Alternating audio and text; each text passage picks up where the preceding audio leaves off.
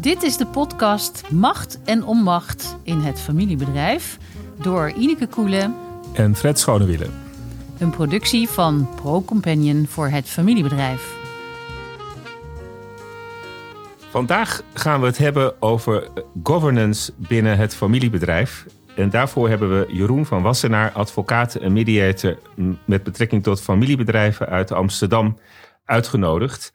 Omdat hij um, de initiatiefnemer is geweest, een, een, code voor het familiebedrijf um, uh, ja, te schrijven, te initiëren, moet ik zeggen. Uh, welkom Jeroen. Dankjewel Fred. Kun je iets meer over je achtergrond vertellen? Ja, nou in dit, in dit verband is misschien uh, nou, goed te weten. Ik kom eigenlijk van het platteland, een, een, een, klein landgoed, wat langere tijd in de familie al zit. En uh, mijn vader is na de oorlog, toen de hele zaak is geruineerd vanwege die oorlog, begonnen met een bedrijf. En dat, zou, dat is eigenlijk ook nog een hele tijd zo verder gegaan. Dus ik heb eigenlijk affiniteit met um, ja, bezit in de familie. Dat bedoeld is om bewaard te blijven. Dat geldt voor landgoederen. Dat geldt precies voor familiebedrijven ook zo. Dat is eigenlijk wat mij uh, nou ja, drijft, zeg maar. En is het goed gekomen na de oorlog? Nou, met het landgoed zijn we weer aan het herstellen. Dus daar zijn we nu mee bezig ja. eigenlijk. Er, is, uh, er zijn de, de, de, zaken die geld kosten, moesten verkocht worden. Om met de opbrengst landbouwwerktuigen te kopen en dergelijke. Maar inmiddels gaat dat dus weer de goede kant op. Alles is ook weer gerestaureerd.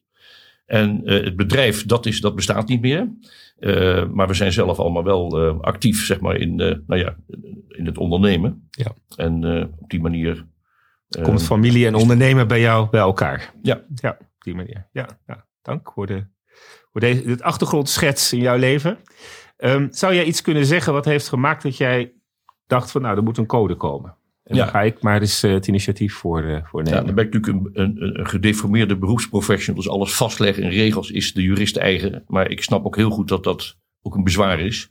Maar nou heeft in, uh, eigenlijk wat bij mij getriggerd heeft, is dat op een gegeven moment al heel lang geleden, al bijna tien jaar geleden, heeft professor Roberto Fleuren, de meeste wel bekend van Nijrode, onderzoek gedaan en vastgesteld dat zeg maar 44% van alle bedrijven, dus niet alleen de hele grote, er voorstander was om de de, de, de corporate governance code, zoals die voor beursfondsen geldt, in te voeren. Nou, dat is nogal wat, 44 procent. Ja. En 72 procent vindt dat er überhaupt een code moet komen. Niet speciaal die code, maar misschien een, een andere vorm. En met dat gegeven dat 72 procent van alle bedrijven vindt dat er een code, voor het familiebedrijf in dit geval moet komen, is eigenlijk nooit iets gedaan. En ik denk dat dat komt omdat niemand daar zich iets bij voorstelt. Wat ziet dat, hoe ziet dat er dan uit?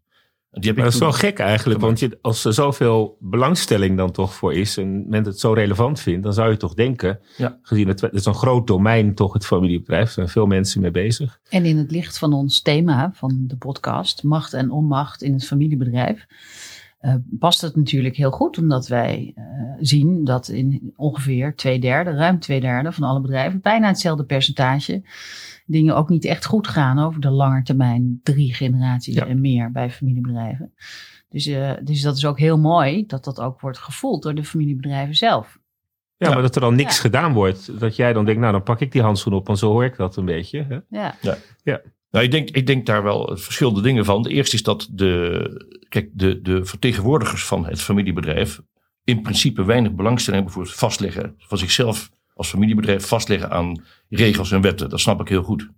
Dat is natuurlijk een enorme beperking. En het, is het, de kracht van het familiebedrijf om het allemaal zelf te doen. En dat is ook meteen de zwakte. Daar zit natuurlijk een soort koppigheid in, eh, trouwens in ons allemaal, maar ook bij het familiebedrijf. Van nou, dat regelen wij wel, hoeven we niet allemaal vast te leggen. Maar dan zeg je dus de beleider wel met de mond de relevantie ervan, maar liever niet voor zichzelf. Nou ja, dat, dat is eigenlijk een beetje. Het frappant is dat 72% vindt, we willen het eigenlijk wel. Ja. En uh, degene die dus namens familiebedrijven spreken, zeggen vaak: Nou, we houden het bij aanbevelingen, we houden het bij. We, gaan, we doen er van alles aan, maar we gaan ons niet vastknopen aan dingen. En, en die 72% wil het wel. Hoe komt Ja. dat nou? Ja. Ik denk dat ik het wel weet. In de zin, mijn verklaring is dat een code biedt enorm vertrouwen. Als je weet, als je kunt zeggen van dat familiebedrijf met alle positieve dingen die een familiebedrijf eigen zijn, Mhm. heeft zich eh, naar buiten toe vast ge- gecommitteerd om zich aan een bepaald set van regels, het zijn bij mij twaalf kleine artikelen, om zich daaraan te binden en aan te houden. Dan geeft dat enorm vertrouwen aan, aan alle andere stakeholders, de, af, de andere familieleden, de toeleveranciers, de klanten, de bank die moet financieren, private equity die misschien naar moet kijken. ehm, iedereen, de medewerkers en ook hun familie, die Mhm. vaak al heel lang bij een familiebedrijf werkzaam zijn, die weten dan dat het niet een kleffe familieboel is die aan de keukentafel wordt geregeld, maar dat het gewoon echt gewoon ordentelijk zakelijk wordt ge- gedaan. Ja, en dat is, dacht ik, eh, want we hebben het, als ik, ik weet natuurlijk niet precies eh, hoe die code eruit zal gaan zien, maar bij de governance codes voor alle grote bedrijven en ook voor goede doelen is er ook een code. Is het altijd zo dat de regels die daarin staan, die moet je of toepassen, of je moet uitleggen waarom ze je niet toepast. Ja. Dus het is ook weer niet zo dwingend, hè? Eh, dacht ik. Ja, Hoe heel belangrijk punt inderdaad. Dus het, want als je kan ook, dan moet je natuurlijk wel motiveren waarom je dan het niet zou willen toepassen. Dus je moet er wel over nadenken. Daar zit de dwingendheid. Je kan niet niks doen. je, precies, je moet het er wel over hebben met elkaar. Je moet er een, een, een narratief tenminste over hebben waarom je het dan niet zou willen. Maar dan, en dat ook naar buiten toe uitdragen. Eh, maar het is niet zo dat je er per se alles wat in zo'n code staat moet toepassen. Ehm, dus zit daar dan misschien ook toch wel wat ruimte om hierover te praten met familiebedrijven, denk je? Om? Om daarover te, te, te praten. Ja. Zit daar misschien de ruimte voor familiebedrijven om dit misschien toch te omarmen? Of misschien moet je net iets anders nog formuleren? Ik weet het niet. Hoe Ja. zie jij dat? Nee, ik denk, ik ben het er helemaal mee eens. Dat, dat, het is dus een, uitdrukkelijk een eh, pas toe of leg uit code. Hè? Dus eh, als je toelicht waarom niet, omdat het voor jouw specifieke geval beter is om het anders te doen, namelijk zus en zus en zo. Nou, uitstekend. Maar dan, dan heb je wel het gedachtegoed van de code verder omarmd. En dan kun je ook naar buiten toe afgeven het statement van je kunt ons erop afrekenen, wij, wij doen de zaak hier wel behoorlijk. En eh, dat, dat, dat is dus absoluut mogelijk. Ehm, ja, eh, er is nog een ander punt, is natuurlijk dat zo'n code, dat zijn twaalf artikelen. Zeg maar grofweg, de grote familiebedrijven voldoen eigenlijk nu al vrijwel helemaal aan die code. Ja. Het is niet, er zitten niet hele rare, bijzondere dingen in. Eh, maar voor de kleinere is het het grootste bezwaar. Hè. Regels, dat is ja, voor een klein bedrijf, die houdt zich liever niet bezig de hele dag met governance regels. Maar van de andere kant, wat gebeurt daar als er tijdelijk iemand uitvalt, als de DGA ineens ziek is? Of hoe gaan daar de aandelen tussen de, de next gen verdeeld worden? Of, of, of eh, nou, is, is de DGA het wel met de plannen eens? Moet er uitgekocht worden? Doet de bank eraan mee? Willen de medewerkers dan niet weten hoe het zit? Dus ook, ook het kleine bedrijf heeft denk ik behoefte aan regels waaraan ze zichzelf committeert. Maar waarvan ze ook aan de andere kant laten zien dat ze zich eraan Het committeert. is een soort ankerpunt eigenlijk voor Ja. governance. Het, hoeft, het is niet bedreigend. Het is eerder, Het is, eh, het geeft je ruimte. Ja. Als ik het zo hoor. het is een soort, Ja. ja, ja je zou een soort eh, e- ethische afspraak bijna dat je goed bestuur nastreeft. Zoiets. Ja, maar dan vastgelegd wel. Want ja, kijk, je hebt dus bijvoorbeeld het familiestatuut. Hè, dat, dat, dat is u al ook wel bekend. Is een soort pakketje van afspraken die misschien wat breder zijn. Maar eh, daar gaat het om het hele proces om dat familiestatuut op te stellen. Wat eigenlijk veel belangrijker is dan het statuut zelf. Maar uiteindelijk is er een stuk wat getekend wordt. En dat is deze code ook. Dat is een soort commitment. Je zegt, nou, je, je handtekening staat eronder. Dan kunnen anderen jou daarop afrekenen, is een zwaar woord, maar op aanspreken. Maar En je dat weet zegt je wel je terecht, hè? het gaat om het proces naar die handtekening toe. Ja. Het heeft niet veel zin om een soort eh, model familiestatuut uit de kast te pakken, daar een paar dingetjes aan te veranderen en een handtekening te Nee, dat zetten. is, dat is algemeen denk ik dat is gewoon vinken. Dat is- dat afvinken. dan- Ja. ja. Nee, ja, nou ja, goed. We hebben dus al eens een podcast gehouden over het familiestatuut. Dus misschien moeten we daar vandaag niet heel eh, lang. Maar wij, in- ik heb gezien in de code dat je inderdaad schrijft: wij hanteren een door alle betrokken familieleden getekend familiestatuut. Eh, ik denk dat wij daarvan zouden maken dat het eh, moet gedragen worden door ehm, alle betrokken familieleden. Dus in principe alle familieleden. Want eh, ik kom in de praktijk regelmatig tegen dat familiestatuten wel getekend zijn, maar nou, ja, dat daar wel een bepaalde sociale druk is uitgeoefend, laat ik het zo zeggen. Ja. En dat bepaalt niet alle familieleden in gelijke mate dat ook dragen. Dus het, dat achterliggende beginsel en de praktijk daarvan is toch belangrijker uiteindelijk dan. Eh, Ja, want dan kan het ook zo zijn dat je geen handtekening zet, maar dan in de comply or explain hè, eh, gedachte. Zeg je nou, we tekenen niet, want ja, dan, dan voelt het voor ons eh, alsof het niet gedragen wordt, maar afgedwongen bijvoorbeeld. Hè? Dat het nou eenmaal moet, de druk. ja, Ja, het ene, Dat ik zou ben het kunnen. totaal Ja. niet eens. Het is ook mijn idee dat, je, hè, dat het proces van de familie onderling om vast te stellen wat je dan opschrijft, Ja. dat is eigenlijk waar het om gaat. Ja. Maar tegelijkertijd, als je in de code zegt, hij moet, hij moet, de alle, hij moet gedragen zijn. Ja. Wat heeft een derde aan, die, aan, dat, aan dat begrip dat het gedragen is? is dat, hoe, is dat, hoe is dat meetbaar? Is dat, hè? Ja, dat, ik snap, er zit altijd spanning, vrees ik. Hè? We kunnen hier een hele dag over praten, Ja. we lossen die spanning niet op. Ja. Maar als je een paar stappen zet in deze richting van de code, dan ben je natuurlijk wel een heel eind verder als het om governance gaat. Nou, wat ik dus heel erg eh, interessant zou vinden als mensen, eh, ook, ook, ook de luisteraars van deze podcast, als die zouden reageren op die code. Er, zijn natuurlijk, er, is- er valt echt wel wat over te zeggen en te discussiëren. Ja. En het is een, een levend document. Het is, een, een, eh, het is niet een gepubliceerde zaak, nog niet. Ik ben met heel veel wetenschappers in de slag geweest. Die hebben input gegeven, die is verwerkt. Ik ben ook met familiebedrijven in contact geweest. En nog steeds, en ik blijf daarin geïnteresseerd. Ja. Dus ik zou zeggen, eh, zoek me op op LinkedIn en geef je reactie. En ik, ik stuur je de code toe. Ik ben heel benieuwd om die input te verwerken. Jullie adviezen en tips te krijgen. Ja, maar we zullen er ook iets over schrijven op de website van Ja. Companion. Zodat iedereen die naar deze podcast Precies. luistert. eh, deze Dat jij goed gevonden kunt worden, zo dan, hè, dan kan het kan commentaar eh, Ja. in grote hoeveelheden naar je toestromen. Ja. Maar het vraag is natuurlijk wel, ga je ook een keer een punt zetten dan? Wanneer, wanneer is dat project eh, voor jou dat je zegt, nou nu is het goed genoeg, nu kan het gepubliceerd worden? Bijna. Oké, dus Ja, dit is de laatste, ik ben nog, ik ben, ik laatste heb- ronde. Ja, ik vind dat de kleinere familiebedrijven, daar zit natuurlijk nog de grootste pijn. Eh, dat het te zwaar misschien is voor een kleiner bedrijf. Nou, daar wil ik nog input hebben. En kijken of je daar iets mee kan doen. En op een gegeven moment dan is het een keertje, dan moet het maar eens een keer gepubliceerd gaan worden. Ja, Ja, nog, nog, een, nog een punt. Je zegt de grote bedrijven die doen dit eigenlijk allemaal al. Hè? Raad van Commissarissen, straks, dat is natuurlijk ook zo. Eh, de grote bedrijven zijn verenigd in Nederland. Die hebben een vereniging. En die, dat zijn in aantallen maar een, klein percentage. Maar wat, wat, wat doen die hiermee? Heb je daar ook contact mee? Ja, dat, als je refereert aan FBNet, die, die, die, eh, die hebben zeer uitvoerig en heel inhoudelijk eh, gereageerd op de code. Dus de directeur daarvan, daar ben ik heel erg eh, blij mee. Eh, hij zelf is niet, denk ik, een voorstander van de code. Maar geeft heel gedocumenteerd en onderbouwd aan waarom eh, en, en hoe het dan beter zou kunnen veranderen. Dus ik heb dat ook verwerkt in, in, in de code. Maar ja, ehm, ik, ik blijf wel vinden dat het wat, wat, de, wat deze vereniging en ook anderen doen, is aanbevelingen geven. Ja, Ja, dat, vind ik, dat vind ik heel goed. Dus uitstekend. Moet ook vooral blijven doorgaan. Maar het is niet naar buiten toe meetbaar en, en, en een goed signaal van maak je geen zorgen. Het is geen keukentafelgedoe hier. We hebben het echt officieel, officieel ordentelijk besloten. het is een En ja, ik blijf met dat rapport zitten. 72% wil een code. Nou, maar als ik jou, eh, kijk, aanbevelingen hebben zij liever, begrijp ik dan? Dat- is dan ook de reden waarom hij niet voor is. Je zei, ik denk dat hij geen voorstander is.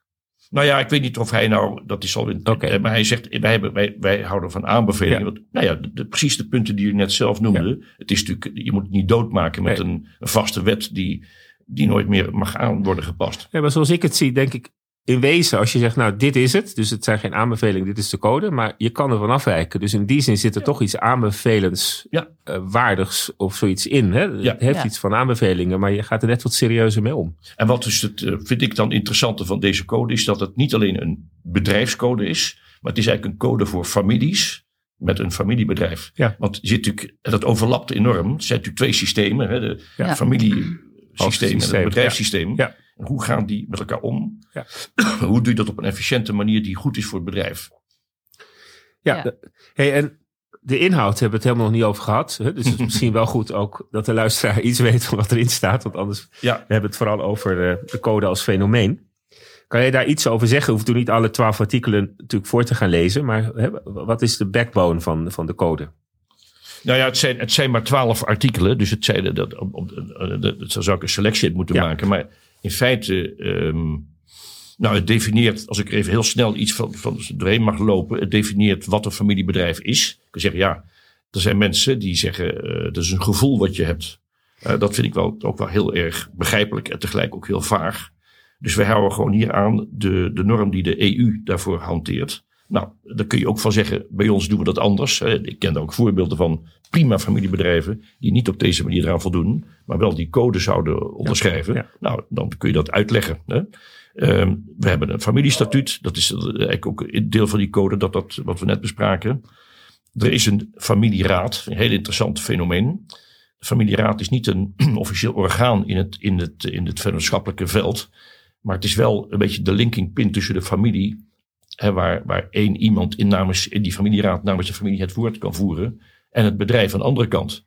Er was een mooi voorbeeld van iemand die zei: Ik wil niet dat de familie gaat bepalen welke kleur de gordijnen in de raad van bestuurkamer moeten hebben. Dat proberen ze wel. Nou, Oh. ik denk dat dat is niet een zaak voor de commissarissen, ook niet voor de aandeelhoudersvergadering. Maar de familieraad kan dat nou prima als ambassadeur naar de twee kanten, als broker, als bemiddelaar Ja. oppakken. Dat is een informele positie eigenlijk. Ja, maar een hele belangrijke positie. Omdat ook de familieraad of de stak, als er een, een aandeelhoudersvergadering is die in, in, in de stichting administratiekantoor is eh, belichaamd. Dat toch altijd ook dus als taak heeft om te zorgen dat de, de verdere familie, die ook ergens betrokken zijn als bijvoorbeeld certificaathouder, dat ook de jongeren, dat die betrokken worden en betrokken blijven bij het bedrijf. En dat ze op een gegeven moment wel ehm, ja, op gaan volgen of erin gaan deelnemen. krijgen. Ja, Ja. of er ineens een besluit nodig is waar zij eh, het dividend moeten loslaten, ik noem maar wat. Nou, dat krijg je niet voor elkaar als, je, als ze niet, als, eh, niet meedragen, het, familiebedrijf. Ja. Ja. Nou, dan, ehm, ja, ik zit even te kijken wat. Kijk, het is dat- dus inderdaad een. Ik denk dat een- het belangrijk is, als ik daar één ding uit mag halen, dat Ja, je natuurlijk. zegt dat in de code er, ehm, de, de, het belang van de aanwezigheid van niet-familieleden komt een aantal keer terug. Ik denk dat dat een aardige is om even uit te halen. Niet in meerderheid uit familieleden bestaande, of niet, nou ja, dan heb je het over de raad van commissaris of een raad van advies. Maar dat komt op een aantal plekken, dacht ik, terug. Ja.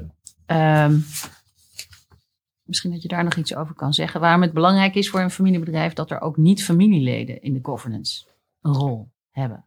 Nou, er zijn. Er zijn er, dus, eh, ik denk voor de objectiviteit hè, is het goed even voor intern hoe, hoe je de besluitvorm niet. Dat het niet klef is. Ik zeg maar even Ja. een beetje een eh, gekleurde uitdrukking om aan te geven dat je het niet zegt ja, maar. Kijk, je hebt bijvoorbeeld een, als de broer de CEO is en het zusje zit ook in het bedrijf op de administratie. Dan gaat die echt geen orders aannemen van haar, van haar broer, omdat die haar broer is, doet, doet ze dat niet. Terwijl het wel de directeur is. Nou, dat, hè, dat zijn allemaal, die verhoudingen die lopen nou eenmaal in het bedrijf zo door. Ik denk dat het dan ook goed is als er in een raad van advies of in een raad van commissarissen, ehm, dat er dan ook niet familieleden zitten. Ja. Om het objectief te houden. En ook als er bijvoorbeeld een minderheidsbelang ineens door, ik zeg maar private equity of iemand wordt genomen, is het heel zinvol om ter voorbereiding op die mogelijkheid al mensen te hebben in het, in het toezichthoudend orgaan, bijvoorbeeld die, nou, die het objectiever bekijken dan alleen maar de zoon van of de broer van. En zitten daar ook niet nadelen aan? Probeer even van de andere kant te bekijken. Dat je ja, als een buitenstaander in dat familiesysteem toch ook mee moet draaien. Ehm, als je. ehm, Ik zie die objectieve kant natuurlijk goed ervan. Hè, maar Ja. wordt zo iemand niet ook uitgestoten? Hè? ja, dat is heel zwaar, nee, eh, is zwaar voor zeg. Externe mensen in een familiebedrijf, dat is een. Dat kan, kijk, de code kan nooit alle problemen Nee. lossen. Laat dat, heel, dat is ook niet mijn intentie. Of de intentie wel, maar dat gaat gewoon. Ik, ik moet realistisch zijn. Maar het helpt. Het is een soort tool om intern dan tenminste ook. Ehm, nou het draagt bij aan het probleemoplossend vermogen van Ja, de er familie. bijvoorbeeld iemand die zegt, ja, je lost daarmee het agency-probleem Ja. niet op. Hij zegt, het agency-probleem is dat je geeft als aandeelhouder, geef je de macht eigenlijk aan de directie om voor jou eigenlijk geld te gaan verdienen. Ik zeg maar heel, heel plat Ja. even gezegd. Ja, hoe, dat, dat, dat los je dan niet op. Nee, het enige is als er familie zit in het uitvoerende deel. Nou, als er één, één vorm is waar het vertrouwen kan zijn dat mensen niet naar zichzelf kijken, maar naar het algemeen belang. Omdat ze later ook weer op de familiebijeenkomsten eh, elkaar de hand moeten geven, dan is het in het familiebedrijf. Maar het is niet een formeel opgeloste zaak. Nee. Ja, ehm, terug even naar de, de, externe mensen, Ja. de buitenstaander. Het is heel lastig als buitenstaander, ook als manager, dus de, de directeur van een familiebedrijf, extern, die heeft naast dat hij gewoon zijn werk goed moet doen, als voor het bedrijf zelf heeft hij ook nog aan de familiekant heel veel werk. Mhm. En als hij daar geen vol, volsprieten voor heeft, dan, dan brandt hij al heel snel, denk ik, af. Ja. Dus dat risico erg groot. Ja. Dus dat is zeker een, eh, een moeilijke zaak. En ook tegelijkertijd hartstikke leuk natuurlijk om, als je daar wel gevoel voor hebt, om daarmee te, om te kunnen gaan en er iets van te maken. Ja, Ja. Ehm, ik denk wat ik nog even ook met jou. eh, dit is Nederland. Hoe, hoe gaat het in, in Europa verder? Zijn daar ook andere voorbeelden van codes die, eh, die Ja. functioneren of bedacht zijn? Ja, die Of- zijn er eh, eh, direct om ons heen, in Duitsland en België bijvoorbeeld. Dus maar wel in de vorm van aanbevelingen. ja, dus dus- daar hebben ze echt voor gekozen. Ja. Ja. Ja, dus dan zit je niet met het comply or explain systeem. Je, je kan het gewoon niet doen. Ja. En die aanbevelingen gaan inhoudelijk eigenlijk over dezelfde dingen als die hier in de code Ja, staan. het, is, het, zijn, het zijn dezelfde dingen. Het zijn ook Ja. de dingen, ook de aanbevelingen. Ik weet het rapport van FB-net, of je het gezien hebben. Dat is- een uitstekend eh, verhaal over ja, een update van de aanbevelingen. Die natuurlijk heel de tijd worden aangepast aan de, de, de behoeften van de tijd. Mhm. Ja, terecht, ik denk deze code ook. Die moet je ook, dat moet een blijvend, levend orgaan zijn. Zoals de Corporate Governance Code voor beursfondsen dat ook is. Die wordt ook om de, door de monitoringcommissie om de zoveel jaar Ja. bijgesteld, aangepast. Het moet natuurlijk niet een dode letter worden die verplicht verstikkend gaat werken. Dat is eh, Nee, het contraproductief. is eigenlijk een soort minimum aan professionaliseringsregels die zouden moeten gelden voor Ja. het familiebedrijf. Dat is eigenlijk wat het, eh, wat het is, hè? Ja, waarbij je ook in ieder geval na moet denken over een balancering eh, met ook externe mensen die daar bijdragen aan die professionalisering.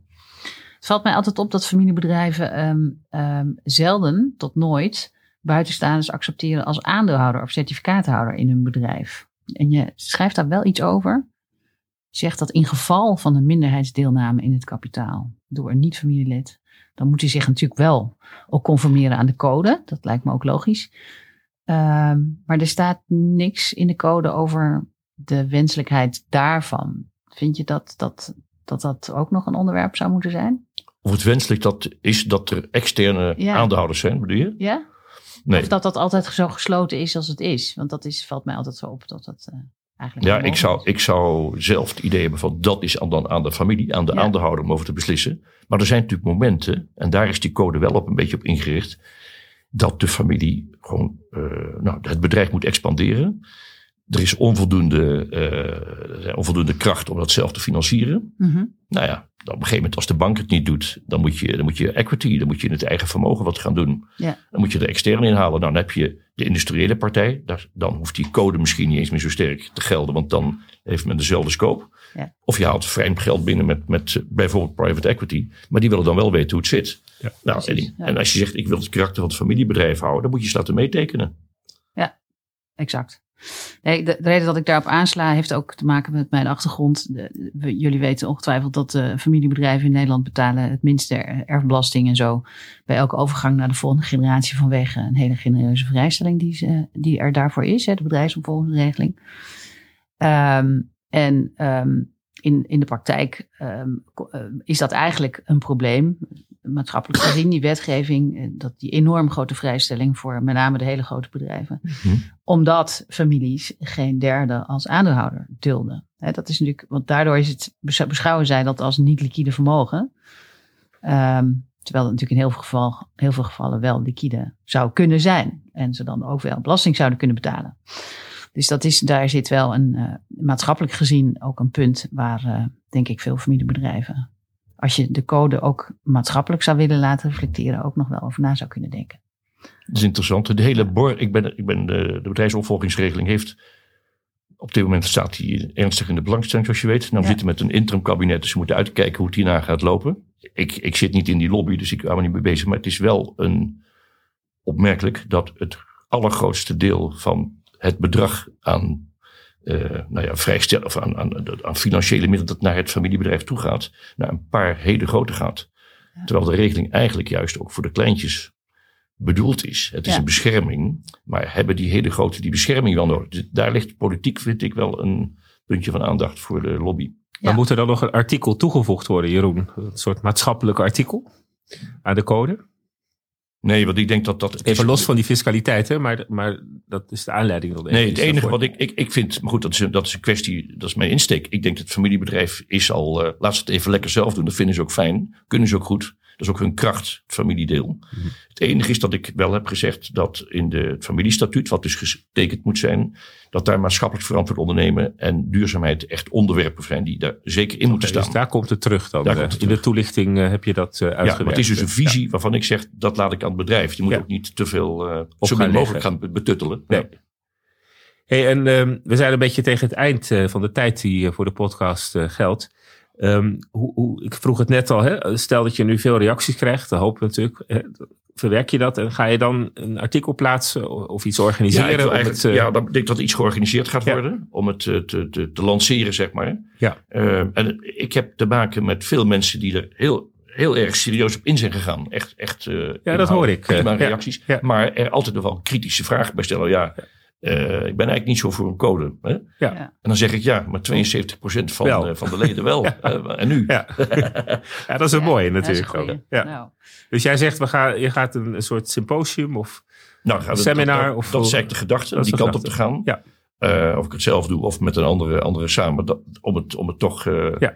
naar buiten te brengen. En dat Maar ik is, wil eigenlijk nog, ik ben dus nu in de slotfase dat ik, ik heb nog een, een aantal inputs van mensen gekregen dat ik verwerken moet. Maar ik ben eigenlijk nog bezig met kleine. ja, dat zei je aan het begin. hè, Dus daar wil je nog wat meer. Dus Ja. vooral een oproep aan de kleine Ja. familiebedrijven om te reageren. Ja, ze kunnen op LinkedIn Input linken en dan Ja. stuur ik die code toe. Dat is de makkelijkste manier. Denk Heel ik wel. Rechtstreeks. nou, wij zien het met belangstelling tegemoet. Ja, zeker.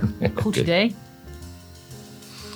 Dankjewel voor Nou, jouw eh, Voor je komst. komst. Dank en, voor de eh, gelegenheid heldere om het, eh, toelichting. toe te lichten. En eh, wij houden contact. Dankjewel.